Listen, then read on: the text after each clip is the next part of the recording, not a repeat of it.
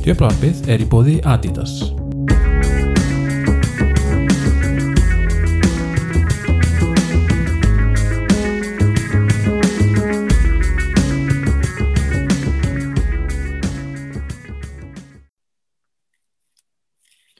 Velkomin í 88. þáttunum Djöflarpinu. Ég heiti Maggi og með mér eru Haldur Blessaður. og Þorstein. Sælir. Erum við erum með þrjá leiki eins og síðast til að ræðum og sem, enginn tapaðist í þetta skiptið sem er mjög ánægilegt og fyr- fyrsti leikur þessa, þessa þáttar er hérna, var Everton útileikur í deildableikarnum sem að einhverjulega vegna fyrir fram á þessu tímabili. En þetta var ekki kannski beint strökk en það var kannski hafi verið nöðveldar leikir en Everton búin að vera á fítni siglingu í deildinni og er búin að vera í Európu, kringum Európasæti og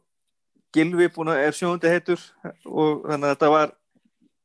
maður bjóst við rauninu hverju sem er en ólega ákvaða að kvíla alla svona líkil svona, ekki kannski með líkimenn en, þess að svona fasta menn sem eru nú búin að byrja fasta leiki nema Harry Maguire því að United bara hinnlega má ekki spila fókbaltaleik árið 2020 áns að Harry Maguire sé í liðinu. Og Bruno Fernandes sem er náttúrulega bara gjössanlega nöðsulegur í sóknarleikleisins og þarna þetta var erfitt og það var svona undir lók eða svona miðjan setna það þegar United loksins braut ísun þegar Edison Cavani skoraði laglega mark og tók þetta fræga faxitt eftir ábyrningur á Erik Bæi þegar hann spurði hann hvort hann ætlaði, ætlaði ekki örgulega að taka fagnin og svo í alveg loku upp á tíma þá Antoni Martial sem að innsiklaði 2-0 sigur og við neðumst í til að halda áfram í þessari keppni. En það er svo sem gafin að vinna leiki en Haldur velkomin aftur í þáttun þarna var ekki bara allt í allt bara, er ekki, er ekki þú veist, þótt að séu ómerklu byggar og gefur ekki neitt en er samt ekki alltaf gaman að vinna byggar Jú, jú, það er líka, sko, fyrir, fyrirfram, fyrir leikin, þá vorum við nú að ræða þetta og hérna, rittstjórnarspjallinu og svona, maður var að ræða þetta víðar að, hérna, maður vildi eiginlega bara sjá eitthvað algjört valið, þú veist, sjá bara Pellistri og sjá hérna bara einhverja gutta og Tvanseipi reyndar kominn en þú veist, maður hefði bara viljað sjá eitthvað en alls konar gaur að fá sensa sem voru lítið búin að spila. Þannig að svona kom svolítið á óvart þegar maður sá liðið þá þurfti maður svolítið að minna sig á það að þessi gaurar sem voru í byrjunarliðinu flestir þeirra hafði ekki verið með fastasæti í byrjunarliðinu fram á þessu. Manni fannst þetta svona fljótt á litið eins og þetta væri bara nánast sterkasta liðið. Það svona helst að maður sæi bara svona í fljótu bræði, jú, Tvan Seibir þarna og hendur svona í markinu. Uh, og Van de Beek náttúrulega hann hérna veist, hann, það eru svona, voru þessi kannski mest ábyrjandi kandidatar í það að vera ekki hluti af sterkasta byrjunarliðinu en, en svo var þetta náttúrulega meiri en kannski virtist í fyrstu en, en minni heldur kannski maður hefði vilja fyrirfram. En, en það, þetta er eiginlega bara þetta tónar mjög vel við þessa breytingu sem hefur orðið, eða svona þróun sem hefur orðið í tungumálunu sem að Solskjær og liðið er að nota alveg frá því að hann tók við liðinu fyrst þetta er svolítið svona bú- búið að vera gegnum gangandi að, að veist, fyrst þegar hann tók við þá hérna þá talaði mikið um DNA-ið, Manchester United DNA og, og að, að tala um kultúrin í liðinu sem hann vildi svona koma með aftur, að, að finna þetta Manchester United kultúr sem hann þekktu og sem aðdándu þekktu. Síðan fór það úr því yfir í að það voru, væru áskoranir sem við þyrftum að, að, standast og, og, og komast aftur á eitthvað svona sigurbraut. Og núna e, heyrir maður það og sér í viðtölum að það nú er talið farið að bera stað titlum, að byggurum og titlum og þetta er svona veist,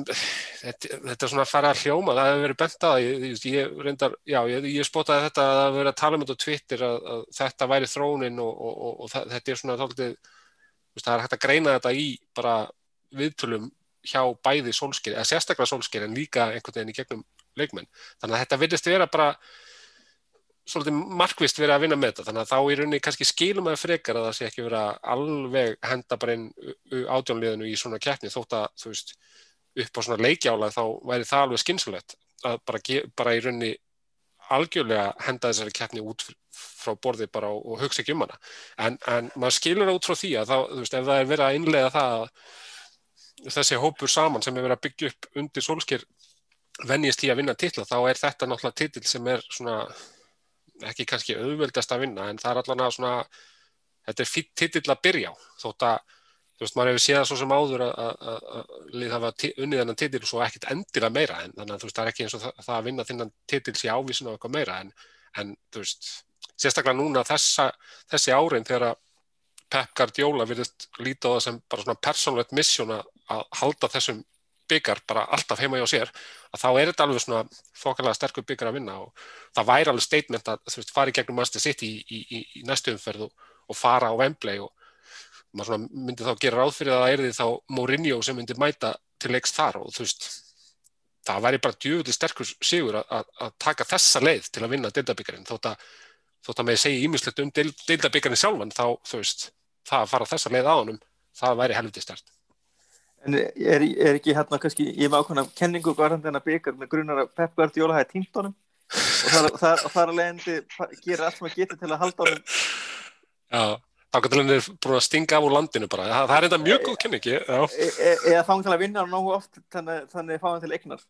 Já ég, það, það er best það er enda mjög góð kenning það er, e, þetta, það Það er eiginlega smá ótrúlegt að hann hefur alltaf komist í er undanúrslitinni hafa nú yfirleitt alltaf verið tveir leikir. Með að við framgöngu hans í mestradöldinu með mannsið sitt þá verðist tvekkja leikja heim og heimann ekki virka mikið. Með að við, já, gengi leysins í mestradöldinu það Já, er- nei, hann það- kannski er fagnar bara þessu þessari breytingu. Já, það er kannski Já, eða, eða þá, eða þá er, er ennþá meiri press og hvernig, þú veist, hvernig getur hann núna þarf hann að hugsa um hvernig geti ofhugsa þennan lundúsleik og, og reynda að koma öllum ávart þar með mínum eigin leikmannum þannig að þannig að ja, það, kemur ljós hvort að þetta reynist góð eða slæm breyting. Já, mögulega kemur líka mannsið sitt í daldi taktlausir mögulega inn í einan undanúrslitaleik þeir eru náttúrulega í algjöru COVID-brasi núna. Já spurning hvort Þið- að hann þið- frestist. eru- sko. þeir eru bara í hreinlega í kófi núna. Já, og, þarna- já, þetta, og það er búið að sem, sem er talið koma akkurat frá deildabyggarleik eftir að þeir telja að Jesus og Walker hefði smitast sennilega á hótelinu í London þegar þeir mættu Arsenal í, eru að tala um hérna London sem að fekk að hafa áhörundur já, við erum að tala um það áhugavert. Interesting. Mm. það er bara svolítið eins og þetta- eins og þetta tér kerfi hafi verið frekar stúpid og, og ósengjant en ég ætla ekki að dæma það. En þarna þó ég hafi verið að því. En þarna við kannski vindum okkur í næsta leik en Já, ég ætlaði samt að segja bara aðeins með þetta mér varst þetta svona, þú veist, ég var farin að bölva því að því að þú veist, þetta var náttúrulega United, þetta var mjög sangjart sigur United átti náttúrulega meira í leiknum og þarna já, já, já, Ég var að gera, grína því að Henderson sástu allar fyrstu 25 minúturnar eða eitthvað í mynd sko. Það var svo einmann að það tilbaka, varði síðan þegar á reyndi og það stóð sér ákveðlega sko. en, en það gekk ítla að nýta færin, fengu góð færi til að byrja með þannig að maður var svona þegar að komið á hvað 80. mínútu að, að hérna já, meira að náttúrulega skora 88. þá var maður farin að bölva því að sjá fyrir sér sko framlengingu, þá getur maður myndið að það var náttúrulega búið að hætta við hana, þannig að það var svona allavega gæt maður huggað sér við það en fínt að klára þetta bara í venjulegu leiktíma og mjög bara vel gert þetta mark hérna, Martial og, og, og Cavani og, hérna, og bara minn maður Maguire, ég er búin að vera að hlusta á þættina og heilt að ég hef verið að tala frekar ítla um hann hann, hérna, startaði þeirri sók með, með glæsilegri sendingu úr aftustu hann, línu hann, hann, Ég ætla, ég ætla að benda á þó hann hefur marka komið- núna hann sko. hann hefur átt hann hefur átt nokkra hálera hann á milli. Hann hefur samt lí- líka átt mjög góð moment sko, ekkert vera, þú veist, ekkert vera bara Við erum bara í næsta leik og ég, er með ákveðin Harry, Maguire punkt hérna í, ekki punkt, en svona aftursendi hérna næsta leik hérna, Já, já, ég eh, þú tekur ekki, þú sko. alveg tilbúin í það sko. En, En þarna- þetta, var, þetta var mjög öflugt mark og svo náttúrulega setna marki var bara svona ekta svona, Everton reyndi allt og fekk bara eitt í baki og hérna, og það var bara Já. málið dött sko, en bara En- fýtt sigur þá er stannilegt. að ströggli sinna því að kannski, kannski meina var kannski að það var hreinlega bara svona að það gekk illa að skora mm. það var svona, að svo bara, en það er kannski, er kannski líka, þetta er ákveð kart breyting á liðinu er að það gefst ekki upp Já, algjörlega, algjörlega. og, þarna, og það er ekkert að segja það sama undir Mois, Van Gaal Nýja Mourinho? Það er líka kannski sem er að koma inn á bara eins og eftir leik gerðdagsins að Óli Gunnar kemur í viðtal eftir leikin og tala bara um að liði hefur svennilega, eða sjaldan undir hans stjórn verið jafn góðu líkamlegu og andlegu formi. Þannig að þeir, ég sá einhvað statik í gerðkvöldi að að hann að 26,4% allra marka United á þessi tímabili hafa komið eftir 87. mínutu sem sýnir bara að það liði er í ofta tíum jáfnvel betra formið en anstæðingurinn sem skilar manni alltaf einhverju og það sýnir líka kannski bara svona þrautsögun að það er, það er ekkit Já, menn er ekkit að það- hætta Nei, mann er ekkert að sætta sig við jafntöklið þegar það er þetta jafnvel er, tapis og þetta er náttúrulega United líðundir Ferguson voru náttúrulega fræg fyrir þetta að, þú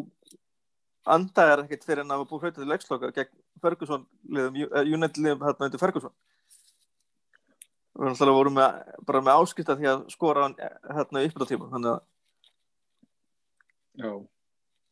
En það, en það er líka annars að sjá sko, liðið þegar þe- þó að sé að vinna leiki að, að það sé haldi áfram að reyna að skora meira en ekki en, hérna, þú veist, og Mourinho skora og svo þetta þetta tilbaka og vonast til að bara, og, og reyna ekki og allir nota skyndjóðnir undir kannski komist yfir og svo bara bara varið. Og bara hlupið fyrir ykkur upp í horn heldur en aðmarki já, þannig að þannig, en svo líka kannski bara bara svona, annar kannski svona sólskil punktur er að, að það kannski bara eins og að taki pingu tíma að breyta liði. Þú veist, það, þú veist, það kannski ósengjant að, þú veist, kannski tekur það hinnlega kannski bara áhrif eitt og hálft ára, þú veist, þú ert með liði sem er búið að vera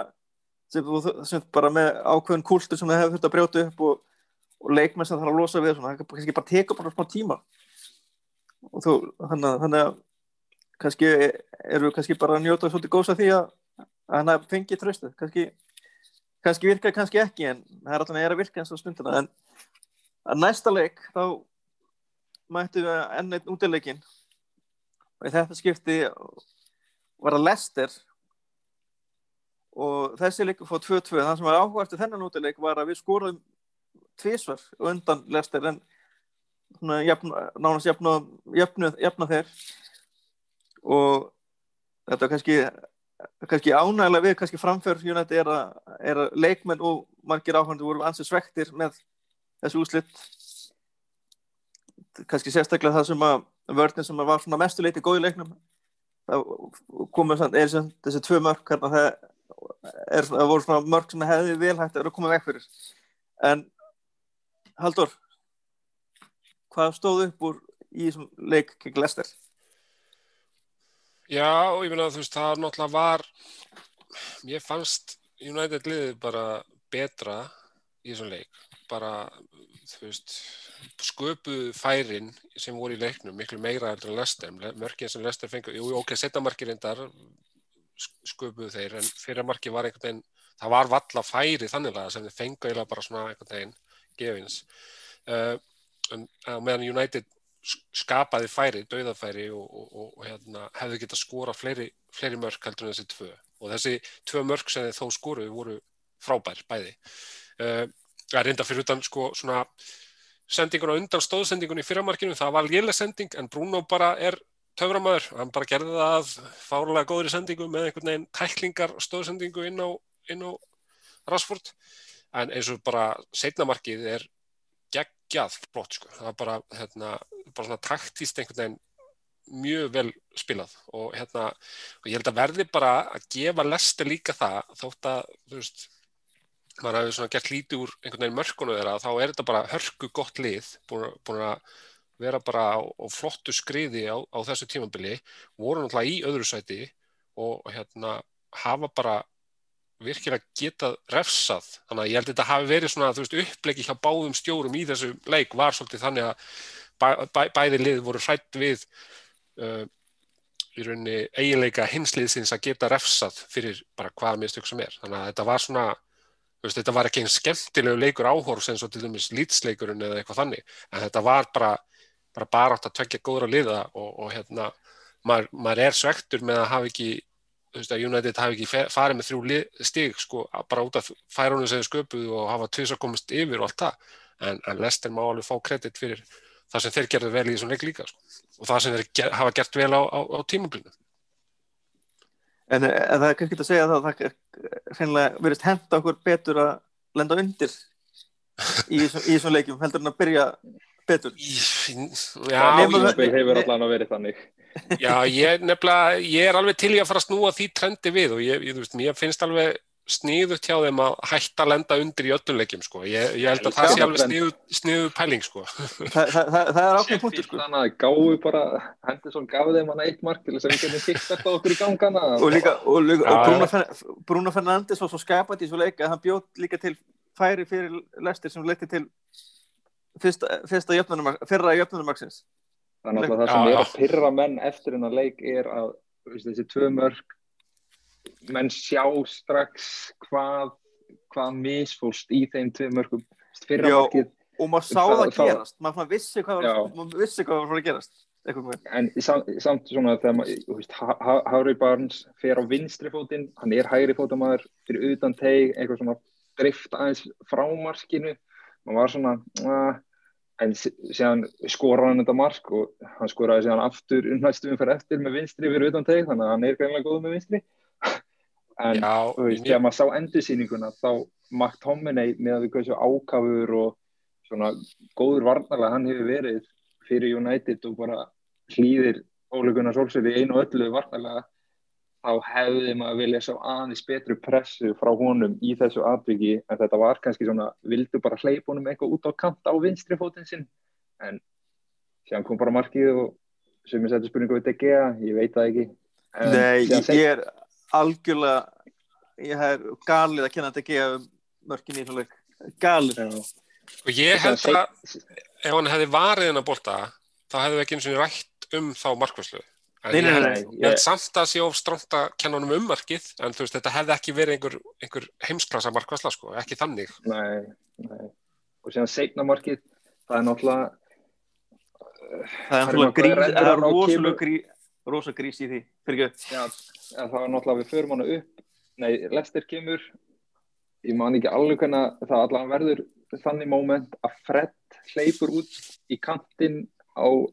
bakur Lester sem var þá komið með boltan þangað og sjófa dóttin út úr stöðu þannig að hann ákvaði að fara líka þangað út að þetta er hans staða og eitthvað. Þannig að við konum tveir þar og Ajósi Peris hleypur inn í svæði sem, eh, sem Luke Shaw á að vera í og neglir honum hana fyrir og enginn að fylgjast með Vorti eða veist, Vorti tekur þetta snögga frá en þegar Vorti er inn í teiknum bara inn í markteiknum þá maður vill að maðurinn sé aðeins, veist, skotið það var ekki eins og maður komin í tæklinguna nánast þegar skotið rýður af hjá honum. Þannig að menn settu náttúrulega mikið spurningamerki við Erik Bæi og Harry Maguire. Aðalega Erik Bæi fannst mér í þessu atviki. En séðan var þetta náttúrulega skáð sem sjálfsmark en skráum þetta Vorti Já, sko, ég, ég er ekki alveg sammála því að þú veist, það sé að kenna þeim svona um þetta, sko, aðal mistökin sem ég, að mínum að svona United megin, er að Ajóse Peres slapp þetta inn fyrir. Það, það sem að gerist er í rauninni aðeins á undan, þá, þá ná þeirra tvímenna á sjó, þannig að Ajóse og, og bakvarðinu þeirra eru komnir báðir og, og hérna, og Fred sér það og fer í hjálpina og þeir einhvern veginn báðir hlaupa út í, í bakvarðinu. Það er, ég held, heldur hafi bara veist, annar þeirra hefði þá að, að sjálfsögða átt að fylgja Peres, en ég held, ég, ég get eiginlega ekki, ég hef hort á þetta mark mjög oft, sko, ég get eiginlega ekki kent öðrum um það frekar en hinnum. Þeir gerðu bara sameiginlega Ma- þetta, þessi mistök að fara báðir í sama mannin, en Ajósi flestir Peres, flestir kendu fredd um að frjúka út í raun og svæði að slúk sjó en já, ég, sko, hann, ég skil, að sjó eigi að halda þéttleikanum og leifa, veist, fredd má Já, alveg já. þannig út af mínumati en já. ég skil að, sko, sjó var samt nær, þannig að mér hefur fundist eðlilegt að hann færi út í vítina og, og, og Fred tæki bara Ajósi Svæðið. Peres, en ég skil, sko, Fred átti alltaf að fara á hjálpunum, af því að, þú veist, hann var hann einn með tvo uh, En er, en, er, en er þetta ekki bara er, það, þú veist, vandamáli í verðinni hjá okkur og þú veist, þessi mistök sem eru að koma náttúrulega, þetta er þriðji, eða þetta er náttúrulega þriðji deildarleikunum röða sem ég nætti að færa þessi, þessi tvö mörg eftir að hafa haldið hreinu gegn sitt í en er ekki bara þetta vandamáli ákveðin samskiptavandi þarna í vörðinni? Nei, sko, þú veist, þetta, nákvæmlega þetta mark, ég vil bara færa rosalega mikið af kreditinu fyrir þess, þetta mark á Lester frekar en að, að, nýða varnamenn United. Þetta var bara rosalega vel gert hjá þeim. Af því að síðan, þú veist, Ajósi Peres fær boltan hann horfir aldrei inn í tegin. Þú veist, hann var búin að horfa inn í tegin bara í, í aðeins hann á undan þegar hann, hann fyrst tekur hlaupið inn fyrir, þá sér maður hann horfir og sér að Vorti er bara inn í tegnum. En síðan fær hann boltan hann fær boltan og tekur hann í fyrsta og sendir hann bara, þú veist, það sem hann bara, þú veist, þetta er svona, það er eins og þeir hafa fengið eitthvað svona Cole York sink Peres og, og Vardy, af því að akkurat þegar hann tekur boltan, snúningin og sendir hann fyrir, þá stoppar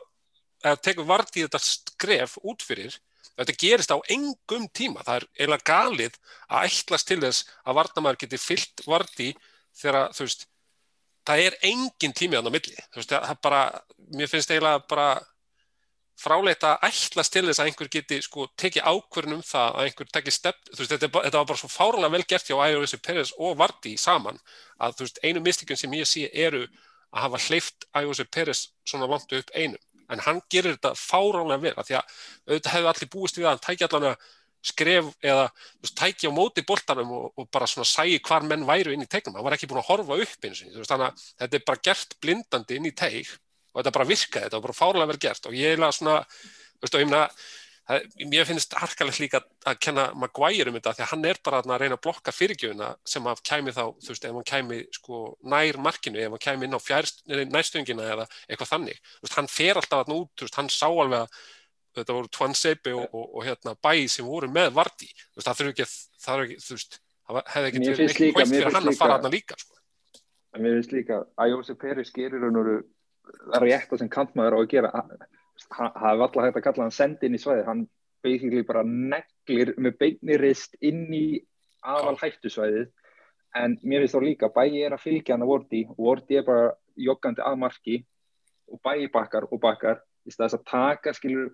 Já, já, já, já, þú, veist alveg hvar hætt, þú veist hvar hættusvæðið er. Það er náttúrulega þannig fyrir framarki og það er náttúrulega meira hætta hjá leikmanninum en þú veist,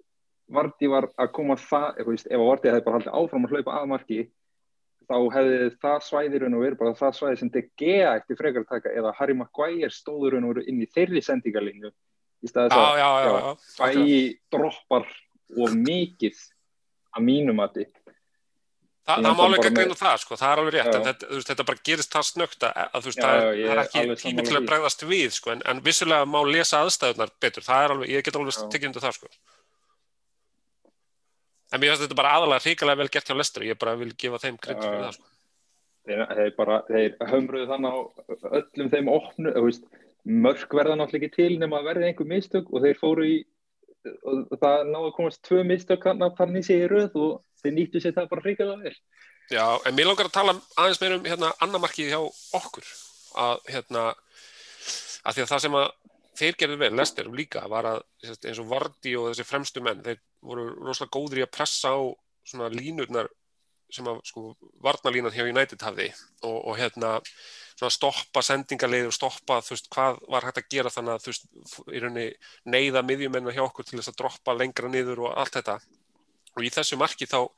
það sem Scott McTominay gerir vel að, veist, hann, hann á þátt í þessu marki þótt hann fá ekki boltan, hann sést í rauninni uh,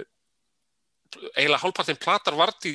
í sig, að því að hann svona tekur sérst þannig stöðu þótt að hafi í rauninni verið Lester sóknarmæður hérna í honum uh, ég man ekki alveg hver það var, en það var einhver sem var að passa upp á McTominay en hann bara svona staðsetur sér nálagt varti þannig að varti sér hann og fer að honum sem opnar í rauninni hlaupaleið upp fyrir Twan Seipi sem ber boltan upp og þá er Pogba búinn að stilla sér upp alveg vinstramein, eiginlega út á kanti sem dreifur miðjuna hjá Lester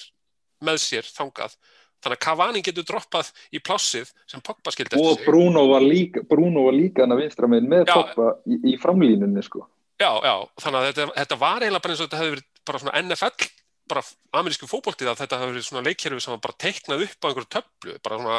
þú veist, eða bara eitthvað svona handbóltaleikir, þetta var það einhvern veginn smúð og, og hérna, Það séum bara innstimplunana frá línumanninum og bakvið, það var Bruno í þetta skiptið.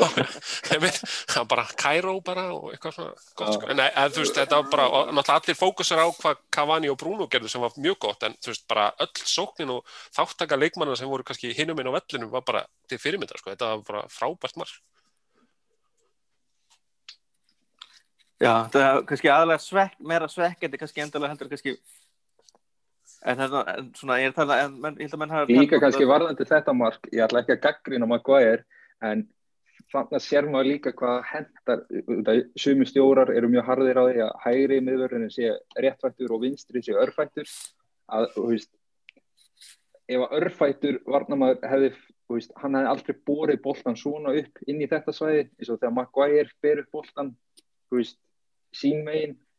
það býður ekki alveg upp á þessi sömu option, eins og að það væri örfættur þeim megin, Já, til að mynda eins og þegar Daily Blind var að spila vinstra megin í, veist, þá hafði hann þessa sendingagetu og eins og við erum búin að sjá með Lindelöf á þessu tímabili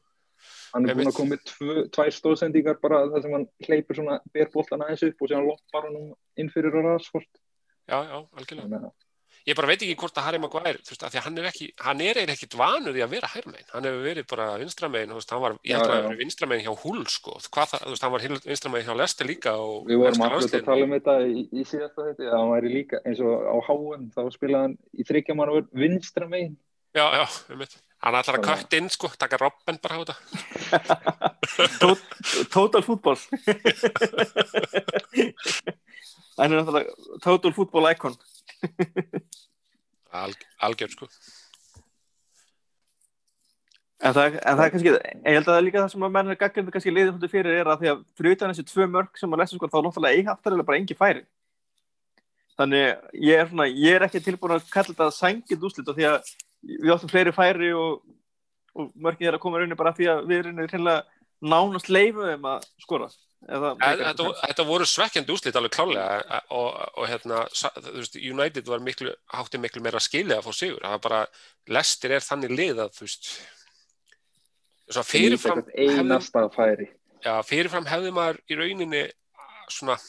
inn þýri allavega átt að vera sáttur við, við stig á, á þeirra heimavelli svona fyrirfram, en, en svona spilaðist þá náttúrulega auðvitað, auðvitað að komast tvisar yfir, þá, veist, þá áliðið að halda úti, sko en, en hérna, Lester má fá kredit líka þótt að, þú veist, þótt að jafntefli sé alveg absúrt fyrir það, sko. Er líka hægt að eh, fara í ef og hefði leikin ef að Rashford hefði skorað hann eftir einu og hálfa mítu, við erum búin að fá eh, í þessum leiku sem lýtsleiknum og hvort það var ekki leikunum líka undan því að við erum að fá færi bara á fyrstu fimm mínútonum bara einhver dauða færi skilur, í lýtsleiknum nýttu við þau og eh, því fór sem fór það alltaf en þú veist hvað veist, mér finnst endilega að ég hafi séð Rashford fá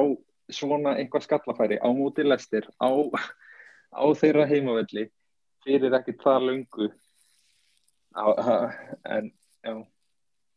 Síðan fekk hann náttúrulega líka skallafæri í leiknum í gær sem það var enda vel gert hjá hann að komast í það skallafæri en þetta er einn ein þáttur í leikan sem hann mætti bæta þótt hann sé á að mér finnst ríkalega góður uppleið sko Já, mér finnst hann einmitt vera búin að vera að bæta margt hjá sér, þannig að þetta er eitthvað sem hann mætti alveg taka, taka fastari tökum og hérna, er næsta dag sko kíkja í smá svona skalla uh, skólun einhvern veginn. En að því að þú veist, það virkaði eins og þetta væri, það þyrfti ekki eins og að vera það góður skallamæður, að því að þú veist, þetta er bara, ég skalla nýður eiginlega í þessu þú veist, það var eina sem það þurfti eiginlega einbytta er að skalla Já. nýður hann er líka ekki eins og hann hafi verið með einhvern í sér, þetta var eiginlega bara, frí skalli, þannig að ég var alveg klárlega að þetta er eitthvað sem að hann þarf að bæta, sko, en, en Eh, eh, það er það þannig fá bara- of harkalega gaggrinni fyrir margt sko, mér finnst það vera bara búin að standa sér þe- frábælega þetta ég er- er sammála því. Þetta er punktur sem ég vildi koma með sko. Ég, ég hafði náttúrulega gaggundur að hann kosti 80 miljonir pinda þannig að það er kannski ekki honum að kenna en það er kannski er skrítið alveg rassfórt sko.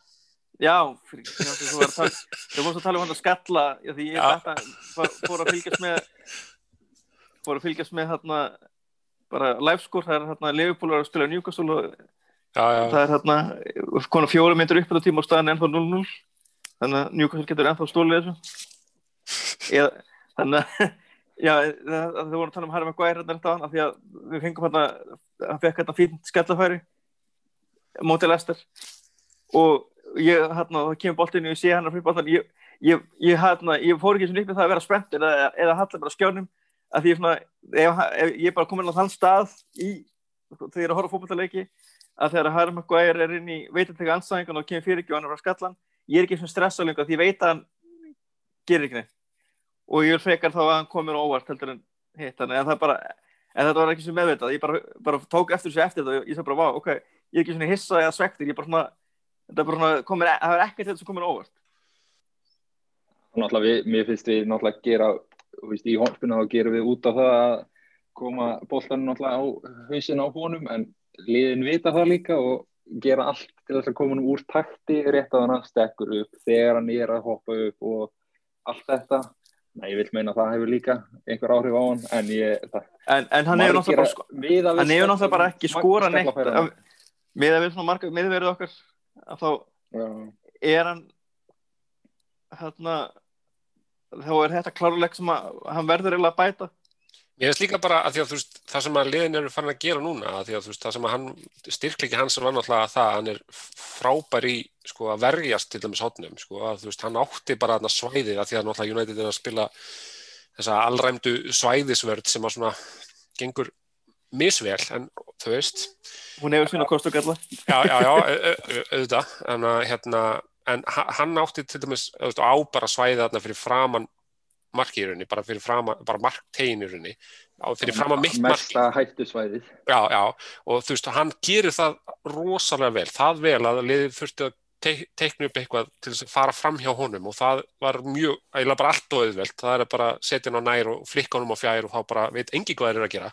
og hérna, það er spurning hvort það sé ekki þetta svona gera þetta á hinvegin að þú veist, ok, allir allur fókusin hjá anstæðingunum er á Harry Maguire því hann er öflugur skallamæður hvernig sem hann gengur að skora síðan úr því að hérna, hann veldur alltaf usla. Þannig að akkur ekki að þú veist reyna að teikna upp eitthvað þar sem að þú veist hann dregur til sín og svo er reynd að finna eitthvað annar að því að Pól Pogba er mjög góðu skallamæður akkur er ekki hægt að nýta hann meira í það sko þú veist reyndar ekkert rosalega margir aðrir góðir skallamenn en, en hann allavega er. Við veist merkilegt hvað Cavani fengið merkilega lítið af skallafærum miða við getur hans á þeim ég, ég er bara, bara miða við þess að tvennu hérna hjá hann um daginn að skul ekki, að skul ekki að, sko, vera svona 34 skall, hérna svona góða skallasendingar á hann hérna í leikin þegar hann er að spila. Það er náttúrulega við sáum náttúrulega vel útfært hodn hjá United samt gegn Leeds, það var mjög flott sko, þegar Lindelöf var mættur hérna bara eins og strækir hann á fjær sko, veist, það var rosa flott, þannig að þú veist bara gera eitthvað meira svona en, en, þetta, en, sko. þetta, en þetta er bara kláðlóttu bandamál hérna þetta búið að vera svona í tíma er að við erum ekki að fá mörg að neinu viti frá vartamennum já, næ, já, ég veit af því að það, við höfum höfum yfirleitt verið með leikmenn sem að hafa geta svona skila svona einu og einu marki. Ég meina Vítits og ég meina Steve Bruce sem að vera ná jættibli við Liverpool og heima allir 0-0 á móti hennu háfljúandi sokna sinna Liverpoolið sem allir eru gaka yfir. Þeir náðu ekki skora móti Newcastle. Þeir náðu allavega að skora móti Westbromwich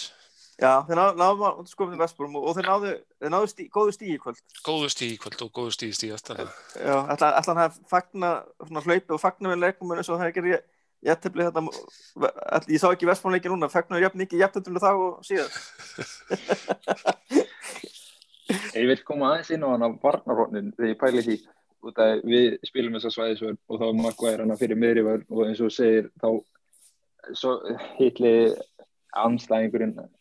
sækir þá alltaf á næstsvæðið og við erum búin að, það var hann einhvern tíman í daginn þá vorum við búin að fá fjög mörg á okkur í röð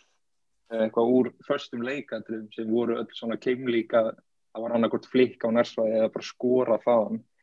þá er ja. það, veist, við setjum yfirleitt okkar besta skallamann í sóknarlínunni í á þetta nærsvæði sem oft á tíðum er þá raskort jafnvel nema þegar Cavani er inn á og mér finnst blæbreða munur á því þegar Cavani er í þessari stöðu eins og, Rashford, eins og Martial var í þessari stöðu á móti tóttunum þegar hann ákveður síðan að lemja Lamela. En veist, ég, ég maður líka bara eins og Van, Van Persie var í liðinu, þá var þetta hans staða að vera á nærsvæðinu, skalla frá. Þegar Slatan var í liðinu, þá var þetta hans staða að skalla frá. Aðeins betri skallamæður en já, Já, það er náttúrulega máli við erum með,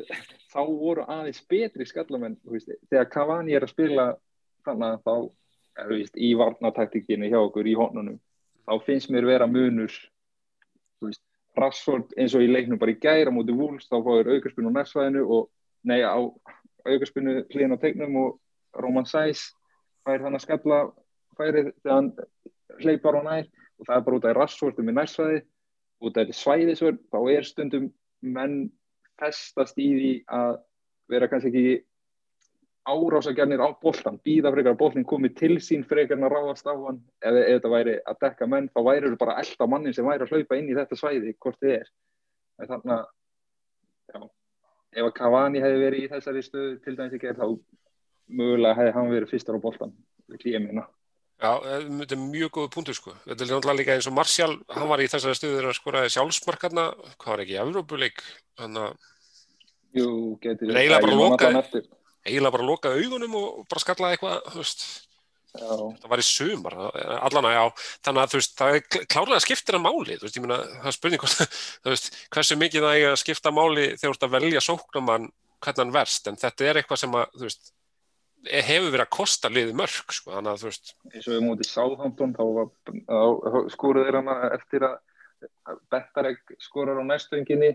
og séðan Sásek hjá Vestam skorar eftir að það er fleitt af næstöðinginni held ég yfir á fjæri eða eitthvað. Já, já, þannig að þetta þetta er einhver sem þarf að stoppa í Já, já, en svo náttúrulega á móti lít þá var það bara eitthvað, hérna, einhver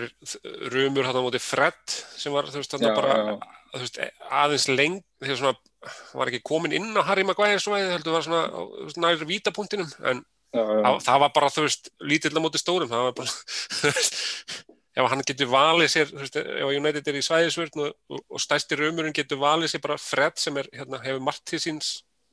uh, svona, margt til sín, en, hérna, ekki kannski skallatækni, en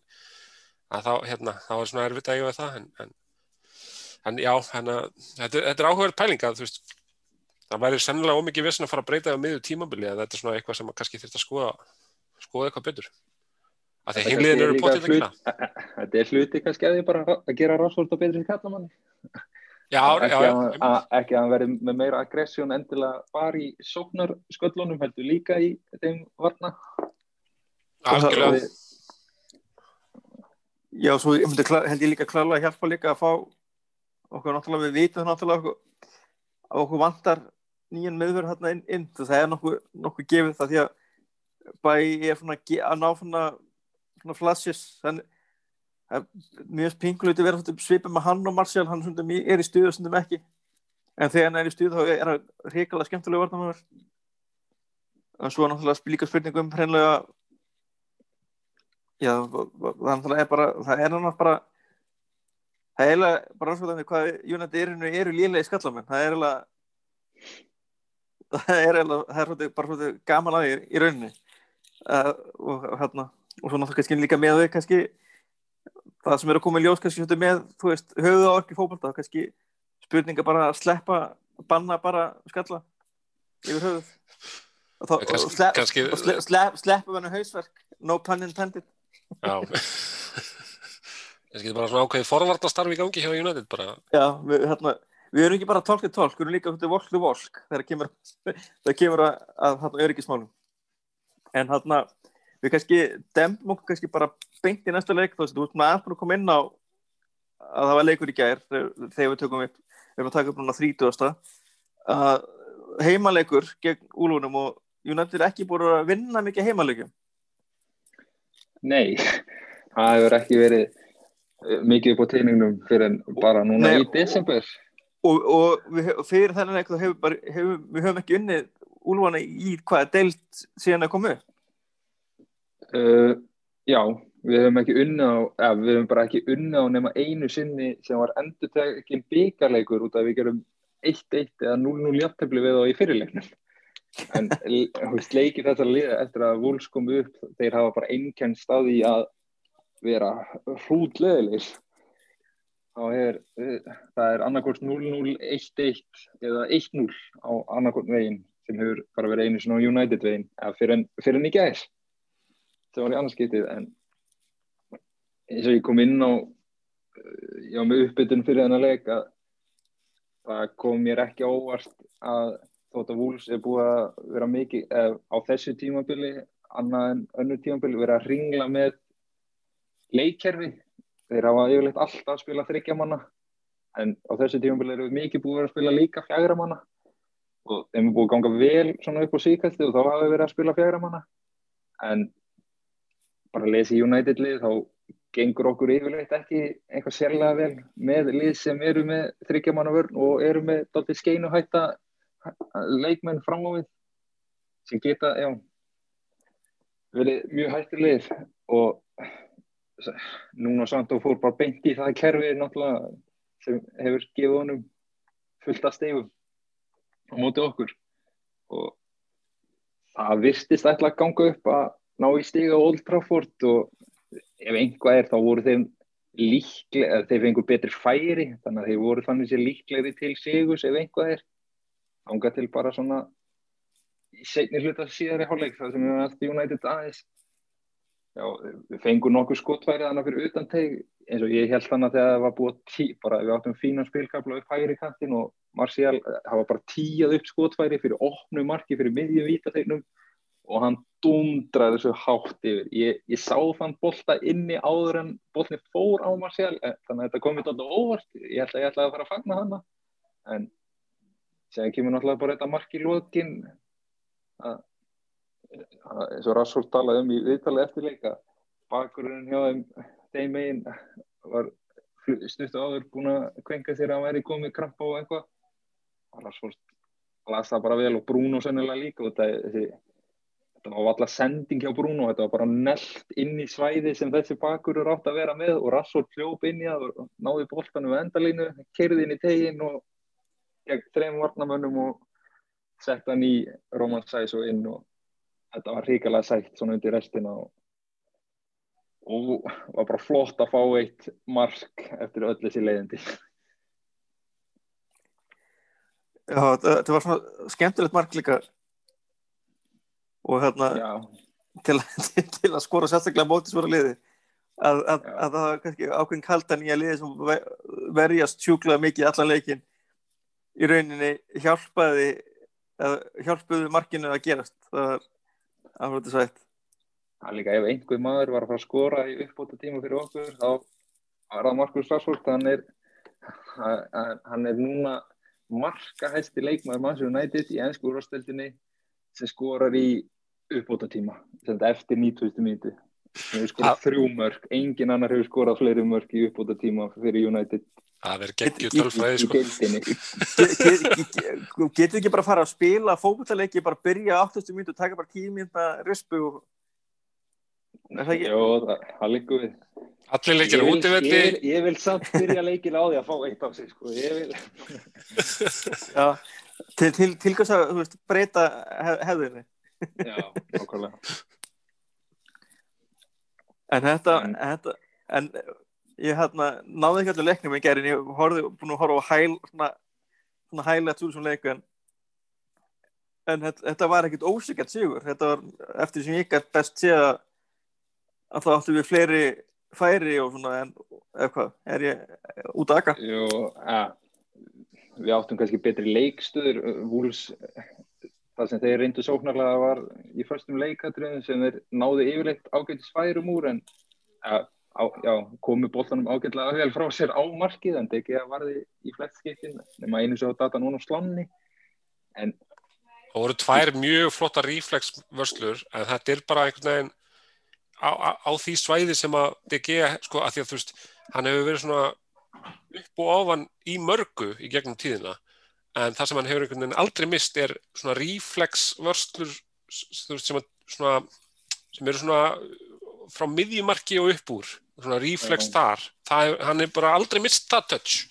Hann er alltaf náð þeim boltum einhvern veginn og þú veist eins og eftir aukarspinnuna og það var eini setning líka sem hann varði, þetta var bara mjög flottar vöslur það er einhvern veginn, þú veist ef það er hefðu svona virkilega verið búið að kort, búin að kortleggja þetta auðvitað náttúrulega, þú veist, gerðist þetta á engum tíma hjá þeim þegar þau fengur færin en, en þannig að þá hefðu sett hann, þú veist, á annan stað. Þetta var svona besti staðinu sem hann hefði getað fengið hann á en samt frábæra hérna, frábæra vöslur Það kom mér líka smá óvart með vúls uppstillinguna hjá þeim. Fremstu þrýr, það var Petro Neto sem er búin að ríkala öflur á tímafélaginu og séðan Traore sem er bara ríkala öflur og séðan voru þeir með einhvern Portugala tvítu að starta sem fyrsta leik. Ég bjóst við að hana, Daniel Potens sem er búin að vera ég er búin að sjá nokkra leiki með Úls á tíumfili og hann er hann heitla við mjög mikið. Hann er ótrúlega flinkur og fljótur og ég held að hann hafi verið miklu betri í þennan leik að pingunum inn á veist, taka menna á pingunum á Traori eða Petronetto þannig að Já. Já, ég held að þetta svona... Þeir, þeir reyndu mikið að komunum inn fyrir á tráður og nett og koma einhverju kapplöku á stað en sendingarna voru bara ekki alveg að ganga upp. Það var alltaf alltaf bíl frá miðjunni upp í sóknuna hjá þeim. Að hafa einhvern aðeins með, með betri gæði þannig í þessu bíli þar. En heldur þau hérna, þú talar um hérna að þeir breyttu hérna varnatæktingi fyrir þennan leik og voru búin að spila með fjagur að mann verður heldur að, að þeirra kannski færi ekstra varkar í, í þennan United-leik veitum náttúrulega hvernig það spilum og svo náttúrulega kannski muna líka um það að þeir eru náttúrulega ennþá að spila án síns sterkasta framherju það komir já, veist, það, það komir ekki óvart út af því ef maður les bara í United-lið ef hann ætlaði að lesa öfugt ef þeir spila á móti tóttin og leikin og þá spilaði með fjagur að manna. En það kom samt eitt á óvart með vörnina þeim að Conor Cody sem er bara hershöfðingin í þessu liði og spila fyrir miðjuvarnarinnar alltaf var hægra minn í dag, eh, í dag, í gæðir og Roman Sæs sem hefur byrjaði vel á tímabilinu og var sem bara dottin út úr liðinu og er komin aftur inn í það hefur verið að spila sko vinstramein eða jafnvel vangbakurð og hann var fyrir miðri vörninni. En þetta var sennilega út af því ef við komum aftur inn á áðan að Sandó vildi hafa hægri fótumann hægra megin og vinstri fótumann vinstra megin í þessari þryggjaman þá skiptir ekki það miklu hver, með hvort fætinum hann sparkar sem er í miðri vörninni en þá var Max Killmann ungur englendíkur hann er örfættur og var þá vinstra megin sennilega bara upp á spili uppspilið hjá Wools og hafa þá Kóti hægra megin sem er eini heili réttvæti miðvörðurinn hjá þeim eins og stendur. Ég held að hljóta hafa haft eitthvað að segja með uppleggi líka bara veist, eins og þetta bara meðslastaðan, leikjálægið ég held að þú veist, Úls hafi bara farið þarna inn í þennan leik og bara eru veist, mjög sáttir að þetta verður bara eitt stig, kunna ná í eitt stig á móti United og mörgum öðrum veist, lið, stórliðum sko. Þannig að hérna, þetta átti bara alltaf að verða leiðilegur og erfiður leikur hann var það og, og það, það gerir hann að segur bara ennþá sætari og bara veist, þessi segla að ná þessu marki og,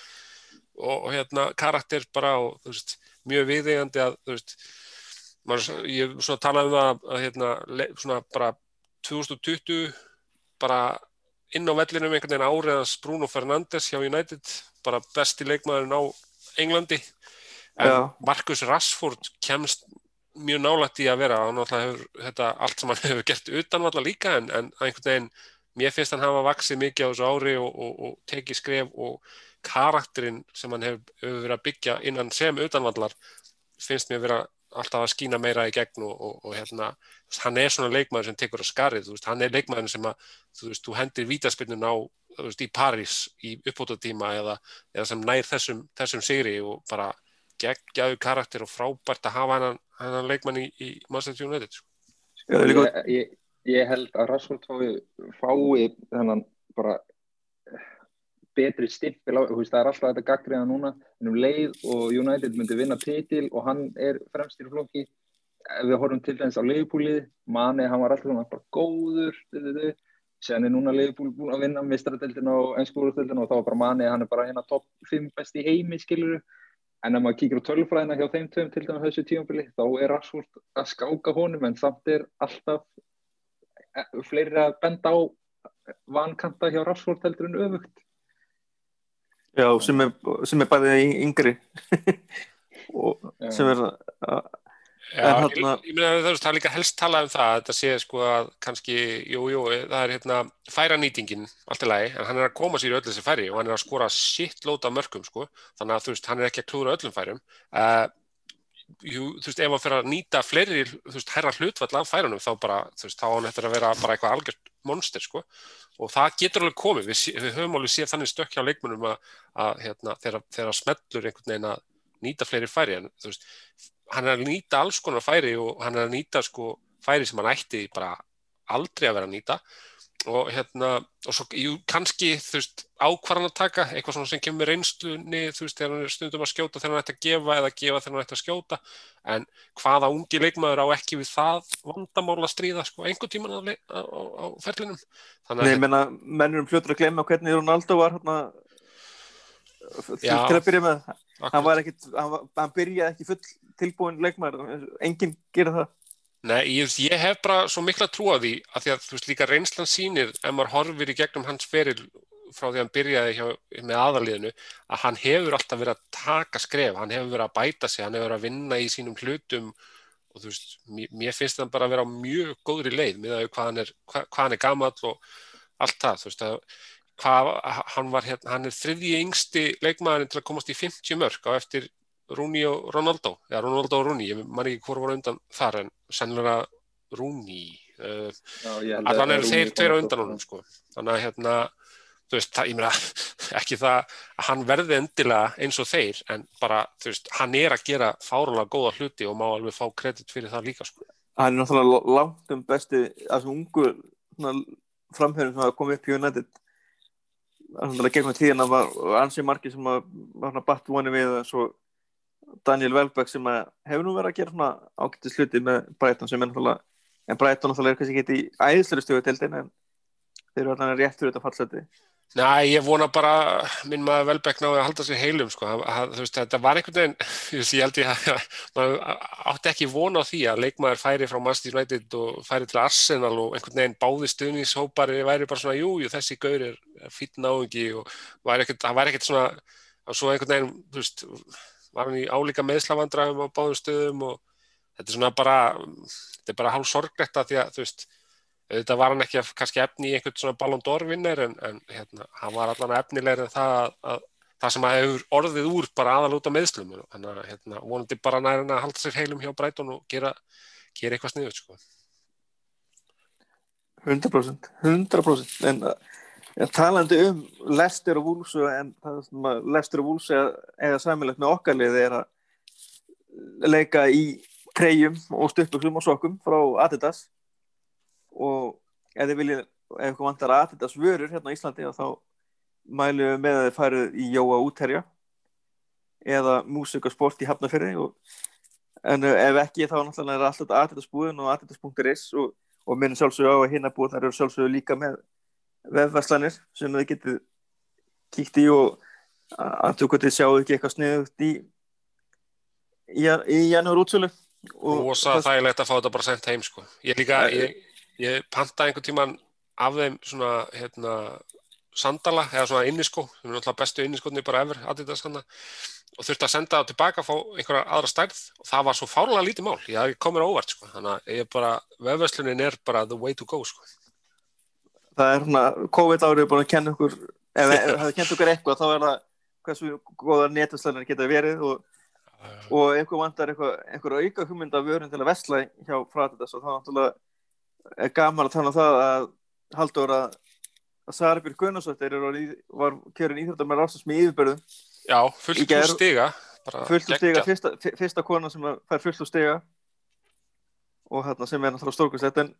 hún er í leikum með Líón í Fraklandi, ekki satt? Jú, og, og hérna þau, þær spila í Adidas og hérna, það er mjög skemmtilegt að setja að kaupa það, þá treyju hérna á Íslandi þó við séum svona sem kannski ekki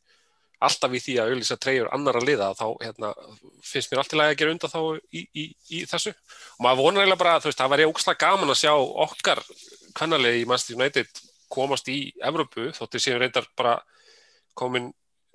komnar í, í fullblón tit titilbaróttu strax sko, maður svona fyrir tímabili gerir maður sett bara vonur um topp þrjá og, og Evrópudil, nei hérna mistradildina Það, En- það sitja huggulega á toppnum. Já, já, gekkja. Uh, þannig að hérna, þú veist, að mæta kannski Líón í mistradildinni maður, það væri gekkja, að fá Söru á hérna, hvað heitir það, Lee Ground eða hvað, hérna, heimavöll United, hérna, hvort það myndi taka Old Trafford fyrir Evrópu, þú veist, það, ég meina það væri gekkja, sko, bara,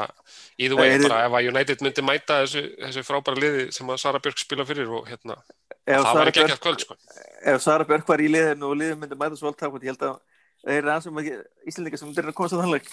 já, ég held að Reyna að slá nokkur flugur í einu höggi. Já, mér finnst annars bara, já, mjög flott að sé að fá treyjunina merta bara hérna og hérna, ég líka, þú veist, þriðja treyjan hjá United, sko, ég var mjög mótfallin henni til að byrja með, fannst þetta algjör horror, en ég veit ekki hvort það sé bara svona góður árangur og útifullu sem er að valda því að ég er farin að mýkjast skakvart henni. Og ég, hérna, hann aldrei að vita nefnum að kíkja í Jóa útherja eða músík og sport og allan að skoða hana svona eftir áramót, sko. En það, það, er, er ekki líka oft þannig, sko, að, er að, svona treyjur, fókbaltatreyjur líta oft illa út í svona tómurum en svona þegar það komið í svona samhengi og er svona komið á völlin og í spílu þá er það yfirleitt fín og og runnist ekki það skiptir innri máli en þarna Já, Mér- já, mér- það er mjög mér, fin- mér finnst hún ekki jafn ljót og mér fannst hún fyrst Alveg sammála því. En, Það er líka að þau ert búin að hendi þessu á sko Bruno sem er að uh, senda stóðsendingu eða skora mark Já. og Marcus Rashford sem er að setja winner í, í uppbútatíma eða Scott McTominay sem tekur eitthvað svona nýslæt og bara geggjað peppaður þá er þetta bara að fara að líta vel út sko. eða Cavani, jú lítur Cavani vel út í þessa treyjum her Það var samt líka hildalúkið það miða við treyjuna útlit af henni sem var að leka fyrst að styrkúsinu eftir líka að vera svona skræbóttar. En, en, en, en, Mjög en, að það eru svartar þá það er svona bjargar svart, þessu svart, lúki er það ekki bara hvítar? Voru ekki hvítar? Ég held að það, það það, það, það lag út eitthvað þar sem að stuppjósunar átt að vera eins. Það- það það, það, það, það fyrir sko aðdándur til, að geta keft en, það official var, eða, það var það sem er lag sko. Officially er, atna, er það þessi treyja og hvítar buksur held ég Já, En það svo kom, náttúrulega- kom, kom ekki fram til að byrja með. nei það var, það var ekkert, fólk vissi ekki en, Nei, að, að það- það bara út eins og er náttfutt, sko. Þetta var bara, þetta var ekki gott lúk, sko. en það er nefnilega, en það er kannski líka máli með þess að leka svona, er að, sem ber náttúrulega alltaf að taka mig fyrir vera er að það vantar svona alltaf samhengi Já, ég meina, ég held, að þetta, ég held að þetta sé stundu líka gert bara markvist að þessu lekið og svo er ge- gert, gerðar einhverja Já, svona breytingar í já. takt við viðbröðin, sko. Ég, veist, ég held að hljóta að vera, sko. Að því að, ég Ekki- meina, ekki- er- aðaltregan er miklu betur en hún átt að vera fyrst og, eða þú veist, eins og henni var lekið fyrst, sko. Ég finnst samt Ég- gegn ég- það líka er svona stönd eins og Höttisvíl gerði fyrir tveim árum eða eitthvað þá spilaði þér æfingarleik í treyju með svona þver, þverri rönd yfir líkamann og það var Patti Power auðlýsing á því rísa stór en þessi treyja var bara notið í þessum eina leik til þess að aðeins að trekja upp mannskapin ok, það er mjög gott. það var fræðileg treyja sko.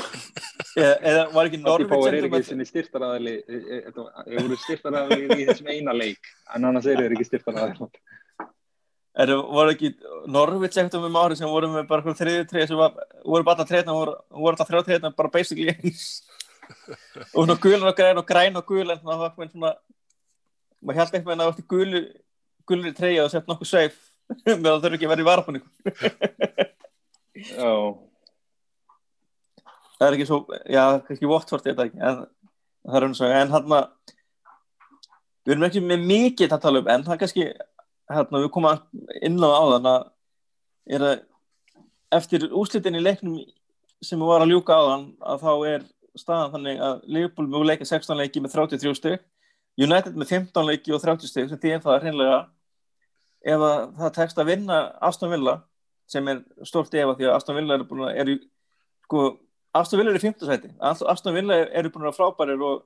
með tvo leiki til góð og eiga, tvo, eiga tvo leiki, eitt leiki á okkur, okkur en er, er þá einu stíu eftir en þeir sko eru er sko. City og Aston Villa var leikurinn í upphafi sem var fresta út að City kom svo langt í Evrópu og síðan var COVID frestun á Aston Villa Newcastle. Þannig að þeir Já. eiga þannig sér tvo leiki. Já, það, það er rétt sko, en þarna ég er bara, ég er bara með ok okkar lið sko, Já, já, já. að þá náttúrulega þeir eiga eitt leik inni á okkur. Þegar við náttúrulega eigum leik inni Já, já, það er rétt. eða fara fram að fram í það þessi leikur fyrir fram að þá náttúrulega eigum ekki leik inni. En Ég held að það verður ríkala erfiður leikur á nýjórsdag á móti Aston Villa. Þeir, en, þetta en mér finnst bara hver- ótrúlega gaman að horfa á það og hverjum hefði dottið það í huga að þessi leikur hérna gegn Liverpool 17. janúar getur mögulega verið sko að, þú veist, að bara upp á, upp, verið leikur upp á fyrsta setið og hverjum hefði dottið það í huga eftir 6-1 sem, er kannski múin að gleyma þeim leik, eða kannski múin að þurfa þannig leik út úr minninu en þetta er er maður bjóst ekki, ekki við því sko, bara ótrúleg, ótrúlegu viðsnúningur í deildinni sko, bara virkilega vel gert sko. Erum við ekki á toppnum með að við, ef, við, ef það er talið út frá þeim leik, þá værum við á toppi deildarinnar, sem er bara mjög góður viðsnúningur með að við hversu Liverpool leiti út fyrir að vera á skriði þá, en þeir töfum náttúrulega 7-2 á móti Aston Villa í sömu Sama dag. við töfum 6-1. Sa- Já, sama dag, se- sama kvöld. setna þann dag við tökum Já, 6-1 um þetta tóttina og við vorum ekki sem leikur nummer 1 í matchum þetta Það er það, svona- það, það létti aðeins svona Já, svona skömmina og, og, svona, og pyrringin eftir þann leik. En maður var ekki pyrrað, þetta var eiginlega bara þetta var eiginlega bara svona surrealist. Ég man bara, maður bara, fann að búa sig undir bara að fá fullt af mörgum á sig. Þetta var alveg bara ég hef aldrei sé lið, líta jafn, mikið út fyrir að vera ekki neittni leika en hvað United í þeim leik. Já, það er það alveg svo var agarlegur leikur. Það er alveg eins og bara margt, það er bara svolítið eins og það- margt sem tengir þessu tímbili það er bara verið vanhugsað og, og hérna og hreinlega hérna ekki vera að hugsa um leikmenn að liðin. En hvað veit ég? Þetta er mjög áhugavert lið þetta, þetta Aston Villa lið, þetta er náttúrulega að vinna hana stórsigur á, á Liverpool, vinna Leicester á sínum heimavelli 1-0, tapa svo fyrir Leeds og Southampton, vinna, Það vinna 3-0 síðan á Arsenal móti 3-0, Leeds. jú 3-0, tapa 4-3 á móti Southampton Já, og 2-1 á móti Ham sem er reyndar, þú veist, alveg glettilega stertlið á þessu tímubli, já svona, þannig, geta verið óþægilegir. Uh, þannig að þú veist, þetta er alveg, þetta er ágætis, ágætis lið, þetta er reyndar mjög áhugavert í síðustu, sko, síðustu fimm deildaleikjum eru komin fjögur rauðspjöld í leikjum hjá Aston Villa. Þeir eru búin að fá tvö og anstæðingurinn tvö. Samtals eru sko sex rauðspjöld á þeim hjá, í leikjum hjá þeim í deildinni sko.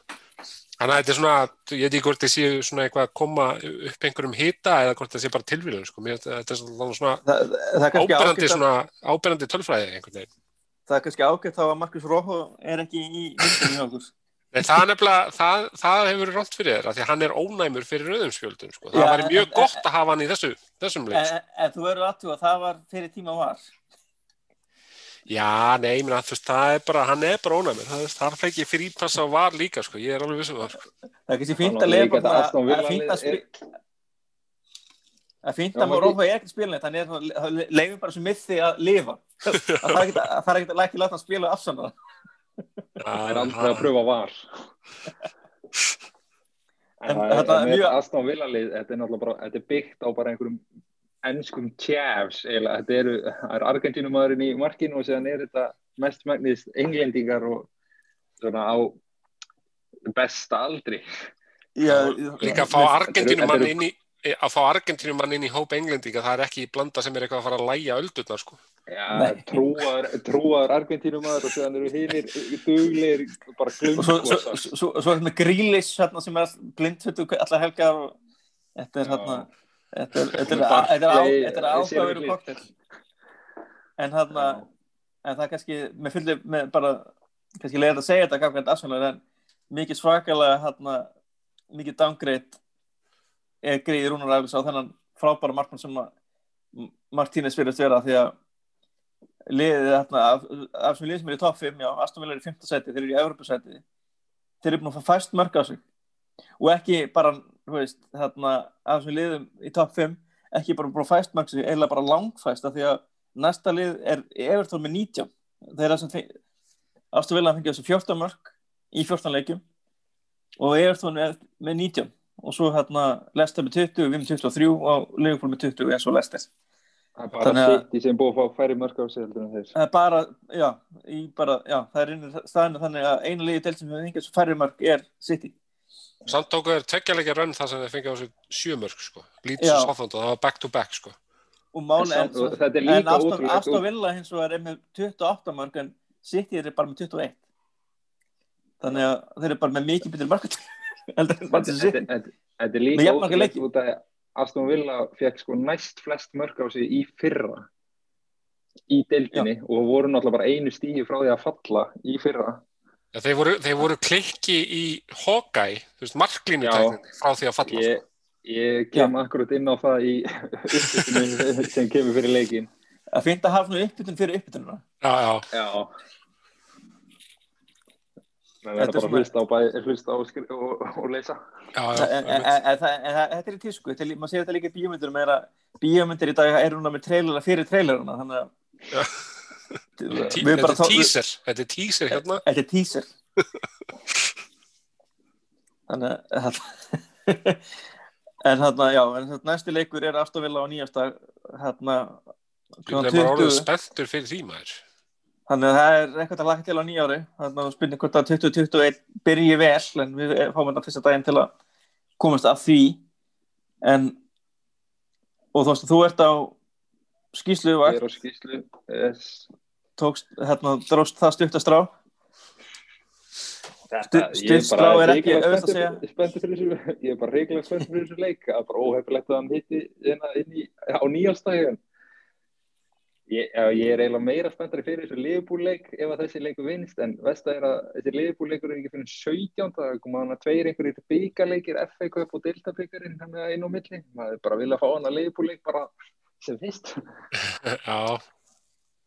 En þarna- er þetta. þeir fara alltaf frí, sko, Liverpool, þeir voru að spila í kvöld og svo spila þeir ekki fyrir fjórða og eru ekki í deildabyggarnum, spila vantarlega byggarleik síðan þá helgi og svo bara viku pása í, í leikin gegn okkur, þannig að þeir eru bara, í, bara í, þetta er svona spa, hérna, dagskrá hjá þeim meira með að við, hérna, leikjálaði hjá okkur, sko. en, Ekki, en að það maður, ekki að maður grenji yfir því, þetta er bara gaman að fá leiki, sko. Nei, nei, og, það, og við höfum alveg séð það í fótbolta að það að fá lengar hlýja er ekki alltaf betra ekki mjög, ég gleymi því aldrei því að horfa hérna, úslandarleik, mestarleikar Európu þegar Liverpool og Tottenham voru, voru ekki búin að spila leiki í hvað, fjóra vikur eða eitthvað og það sást þannig að það er ég, kannski, kannski hérna, Líka bara með við hvað- árangur United núna í jólatörninni, bara síðan Sheffield leikunum var, við erum ekki búin að tapa leiki í þessari jólatörn. nei, að- og ég held ná á- á- Skiptir ekki máli hvort að leikinni komið thick and fast á okkur. Nei, ég meina, ég ætla ekki að jinxa neitt og ég efast um að eitthvað sem hann segir hérna í podcast á Íslandi hafi eitthvað áhrif en, en þetta er svona, heldur skásta jólaþögnin hjá okkur síðan 2012-13 Það er áhugavert sko að United, veist að Liverpool-leikurinn er á Anfield og þú veist, bæði Liverpool og United hafa verið sterkari, eða þú veist, Liverpool hefur verið sterk, mun sterkari á heimavelli og það hafa ekki tapað þar í eitthvað geggja langa tíma og hafa verið slakir á útvöldum og United hefur náttúrulega verið mjög gott á útvöldi á þessu tímabili en svona slakari á heimavelli, þannig að þetta verður, veist, það er allt áhugavert við þennan fokking leik sko. það, það er bara, þetta þetta er bara og það, það hann bara ennþá skemmtilega að sé eitthvað actually mögulega undir fyrir bæði lið Já, já, mitt. en það kannski líka talandi um hlýja en mjög náttúrulega hérna, gætum mögulega fara, vera að horfa á það að, að deildin eru stóðuð aftur af því að Breitland er náttúrulega með allt niður á sig aft, en enn ferðina sem COVID og mikið svakalega að þakka til þau þegar COVID er ekki lengur hluta ykkur sem að þarf að tala um en það er bara raunveruleiki sem við líðum í ennþá og það kom reyndar yfirlýsing bara held ég bara, bara 500 áður byrjum að taka upp að, að, að, að, standi, þessa stundina standi ekki til að stóðatildina en maður hlýtur að Heldur alltaf að framlengjana, nei, mögulega. Þannig að spyr, stóra spurningin er veist, eh, hvort það sé raunhaft og með að við miðað við það að við vorum að horfa það að Liverpool er búið að færa Liverpool neyri í týr 3 og Manchester í týr 4 sem því að það, það, það mun ekki hjálpa Liverpool með að hafa hana heima völl og heima leik en enga áhörundur og spurning hvernig, hvernig það spilar inn í þannig að það er rosalega margt þarna sem að getur breyst svona utanvallar sem getur haft áhrif á leika þannig, en ég held að það sem nokkuð gefi, ég held að þau er ekki bara eitthvað ekstra langur tími sem að þetta týrkerfi, er ekki mánar er mánar mánar basis sem að er tekin ákveðin um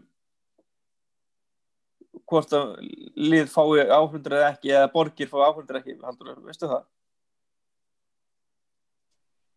er ekki með á hreinu þetta er allan að það, þetta tekur gildi bara annað kvöld og þá er United, Manchester komið í bara týr fjögur, ég held að það væri bara þrjú en, en það er búið að búið við fjögur. En það breytir svo mikið neina, það er kannski þjálfur það er kannski verið með grími eða eitthvað, ekki nákvæmlega hvað, það er. En, það er þá bara Tengjus borginni sjálfur, er, en er þetta ekki týrgefi, þetta er ekki bara fyrir fókbástan, er þetta ekki líka fyrir eitthvað Já, týr fjögur er basically, basically bara þá að það er allir bara að halda sig heima sko er það ekki bara lockdown? Er það ekki bara, Jó, er það jó. ekki bara samúið búið kannski í Ameríku? E, jú, þetta, þú veist, fjögur er bara, þá, það er væntalega ekkert fimm, það er bara fjögur er bara, það er allir heima hjá sér, sko. En ég sé ekki hvenar, hvenar það breytist, en mér finnst þess að þeir hafi verið, var ekki, var ekki fyrsti leikunum með áhórundum í byrjun desember og svo var búið að uppfara einu sinni, allir þetta sé ekki þá tveggja veikna fresti, eitthvað. Jú, Æ, geti trú. Mögulega. Eða hreinlega bara þegar eða bara kannski bara er þetta- er það kannski bara þegar að koma einhverja tölur og þá kannski bara gripin strax þannig að það væri galið að eða kemur svakalega tölur en nei, við ætlum að býja Já. eina viku með að þú veist að Já, ekki- all- all- kannski er það bara þannig, sko, en, en ekki, en allavega- mögulega að spurning líka hvort að, þú veist, ef að mannsæst er í, er í tier 4, hvort þau geti stokkið eitthvað bengt nýri tier 1 ef að, þú veist, allir fá bólusetningu eða hvort þetta er þurfa að gýrskipti þessu niður eitt þrepp í einu. Ég veit ekki hvernig Ég- það virkar einu sinni heldur, sko. Ef eitthvað er, er náttúrulega, Breitland var, var það ekki fyrsta landi í Evrópu sem byrjaði að bólusetja. Það- Þeir eru greinilega mjög gladir og byrjaði að ganga á já, svolítið, ef það er svolítið enda vel. og, og ma- e, ég veit ekki, þetta er kannski, kannski óvinsæl skoðun en, en með að við hvað hérna, að vera að þjöstnast á sem greið fótballstrákum hérna, og ekki bara í United heldur í, bara í Englandi og, og bara í Evrópu með að vera að spila í gegnum hennar faraldur þannig að maður ekki gleyma því að, að það hlýtur að hafa áhrif á leikmenn og hugafar og, og bara allt þú veist að vera bara að spila, vera að spila fótballtinn inn heimsfaldri að hvort það hefði ekki mátt bara bólusetta þessi greið bara strax. Því að það verðist ekki með að gera tillit til þeirra allan að sambera þessa yfirlýsingu frá knastbyrnusambandinu en þannig að knastbyrnusambandi er náttúrulega þekkt fyrir að bara hreinlega vinna gegn aðaldafélagunum sínum sem náttúrulega hefur alltaf verið hútið galið. Og ótrúlega verið sérstakt system hann í Englandi. Sem, sem samt mögulega afsannaðist núna þegar eh, City fekk hann að fresta þessum leik. Út að það kom ekkert fram að er ekki einhver eh, svo lengi sem það er einhver í 14-15 leikværi leikmenn sem sagt ekki með COVID þá á, Já, þá á leikunum þannig sé að fara fram en þá bara heldur komið fram að tvei leikmenn væru með þetta og séðan einhverjir í liðstjórn eða eitthvað svoleiðis. Og þeir eru að fara í testana og hvað tvekja þryggja þetta já. og eins og, stað, eins og staðinu núna þá á sitt í telsileikun að fara fram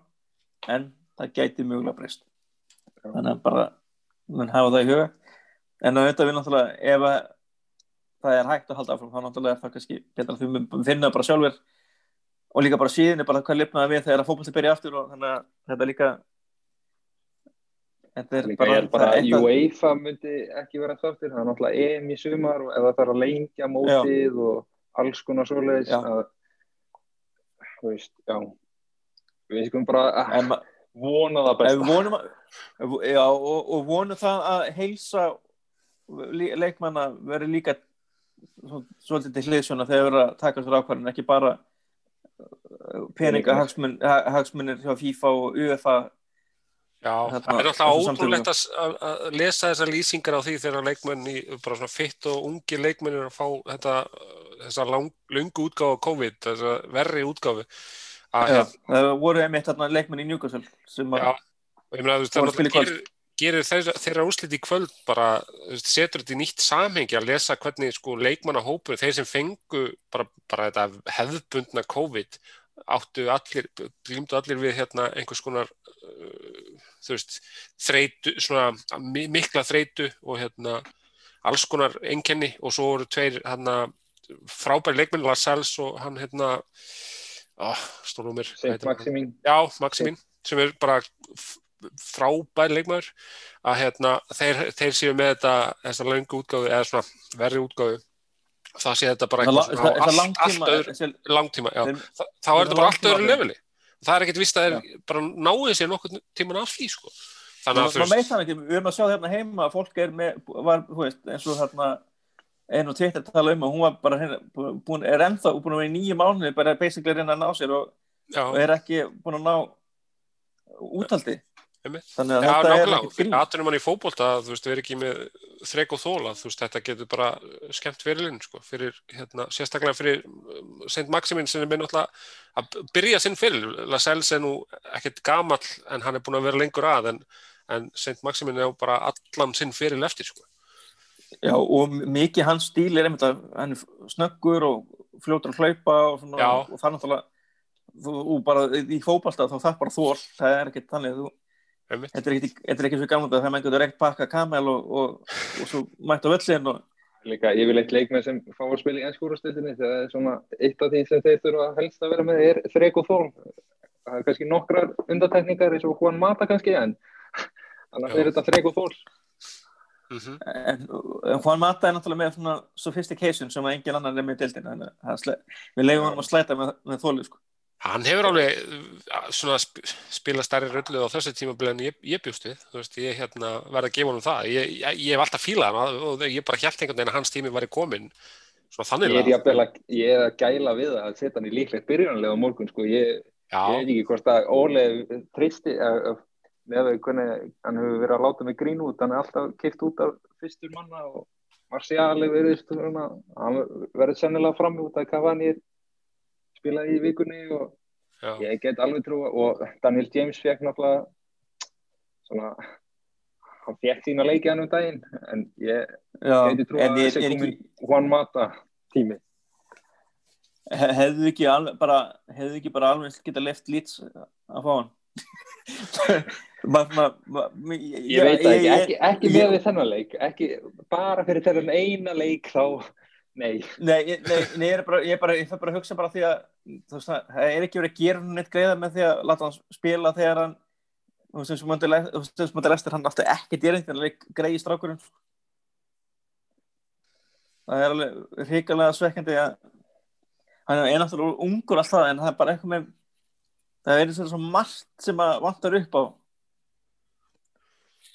já þú ég, ég er bara svona, sko, þú veist, mér finnst hann vera búin að tækla þessa róteringu mjög vel núna, þetta er svona, maður getur gaggrind hann fyrir ímislegt svona fyrir á tímabilinu mögulega, aðalega bara eftir á, þetta er svona eftir á viska,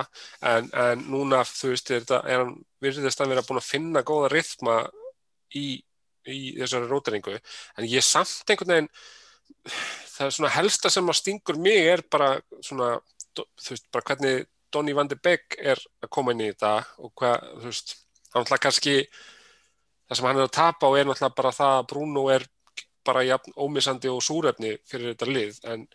en þú veist, það hlýtur að vera hægt að finna eitthvað annar hlutverk fyrir hann að spila með góðu móti eins og hann spilaði þarna Everton leikið mentilega og þá var hann, hann eiginlega bara að spila út á kanti í 4-2-3-1 og þú veist, það er ekki ég held að það sé ekkit eitthvað svakalega vænlegt til árangus fyrir hann að veist, reyna komunum einhvern veginn inn í þetta því að þú veist, við höfum alveg séð glefsur af því að þetta er hörku leikmaður og það, þetta er svona svolítið synda að hann sé einhvern veginn að, að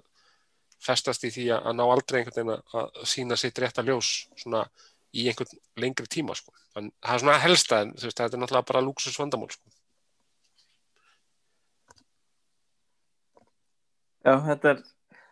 er það er náttúrulega greiði strákun náttúrulega er á ekki marga aðdándur hérna allan að ef, ef við ætlum að allan við aðtöðsendakerfi á rauðdjöflur.is sem að við mælum að við færði við erum ekki bara með podcast þannig ef við hafið bara hlusta á þá náttúrulega erum við með rauðudjöflingi.is og erum það með greinar og leikja umfjöllun sem að við leggjum svit og blóð og tár og allan pakkan í þannig að endilega kíkið og, og, og þátturinn náttúrulega er náttúrulega iTunes og Spotify og, en hann er náttúrulega við byrtum fæstu líka á síðinu þannig að þannig að þið viljið kommenta á hvað við erum vitlega sér og,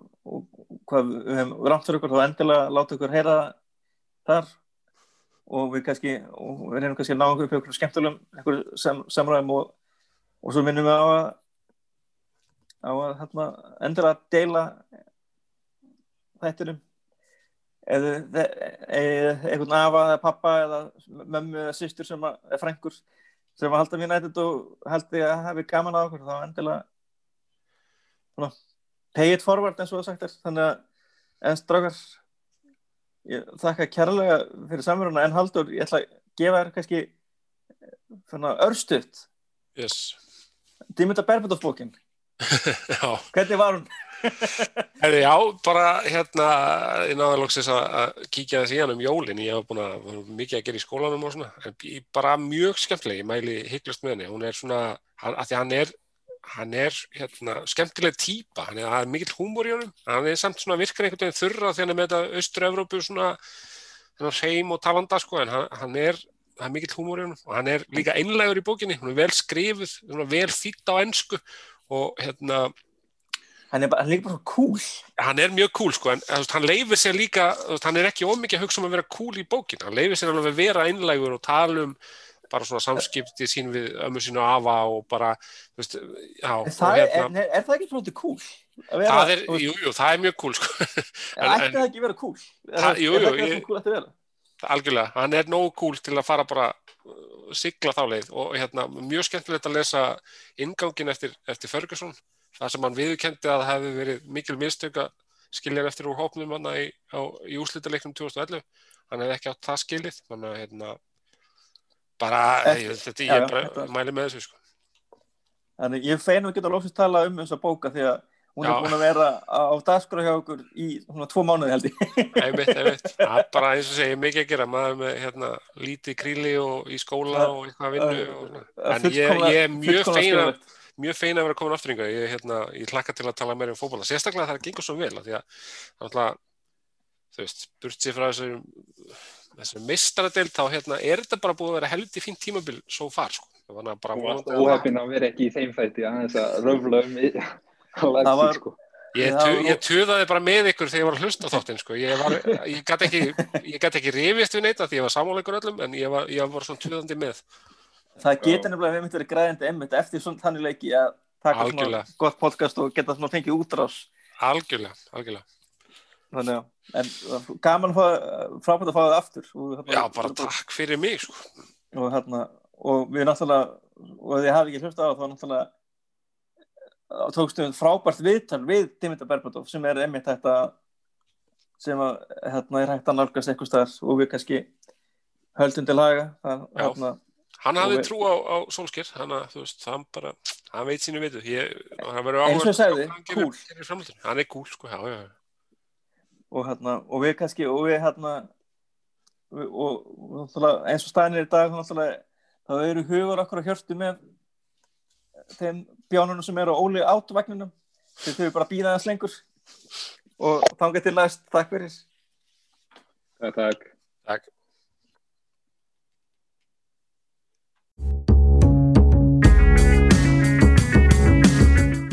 Fyrir að hlusta á Djöflavarpið. Þið getur fundið frekari umfjöllun um Manchester United á rauðudjöflarnir.is.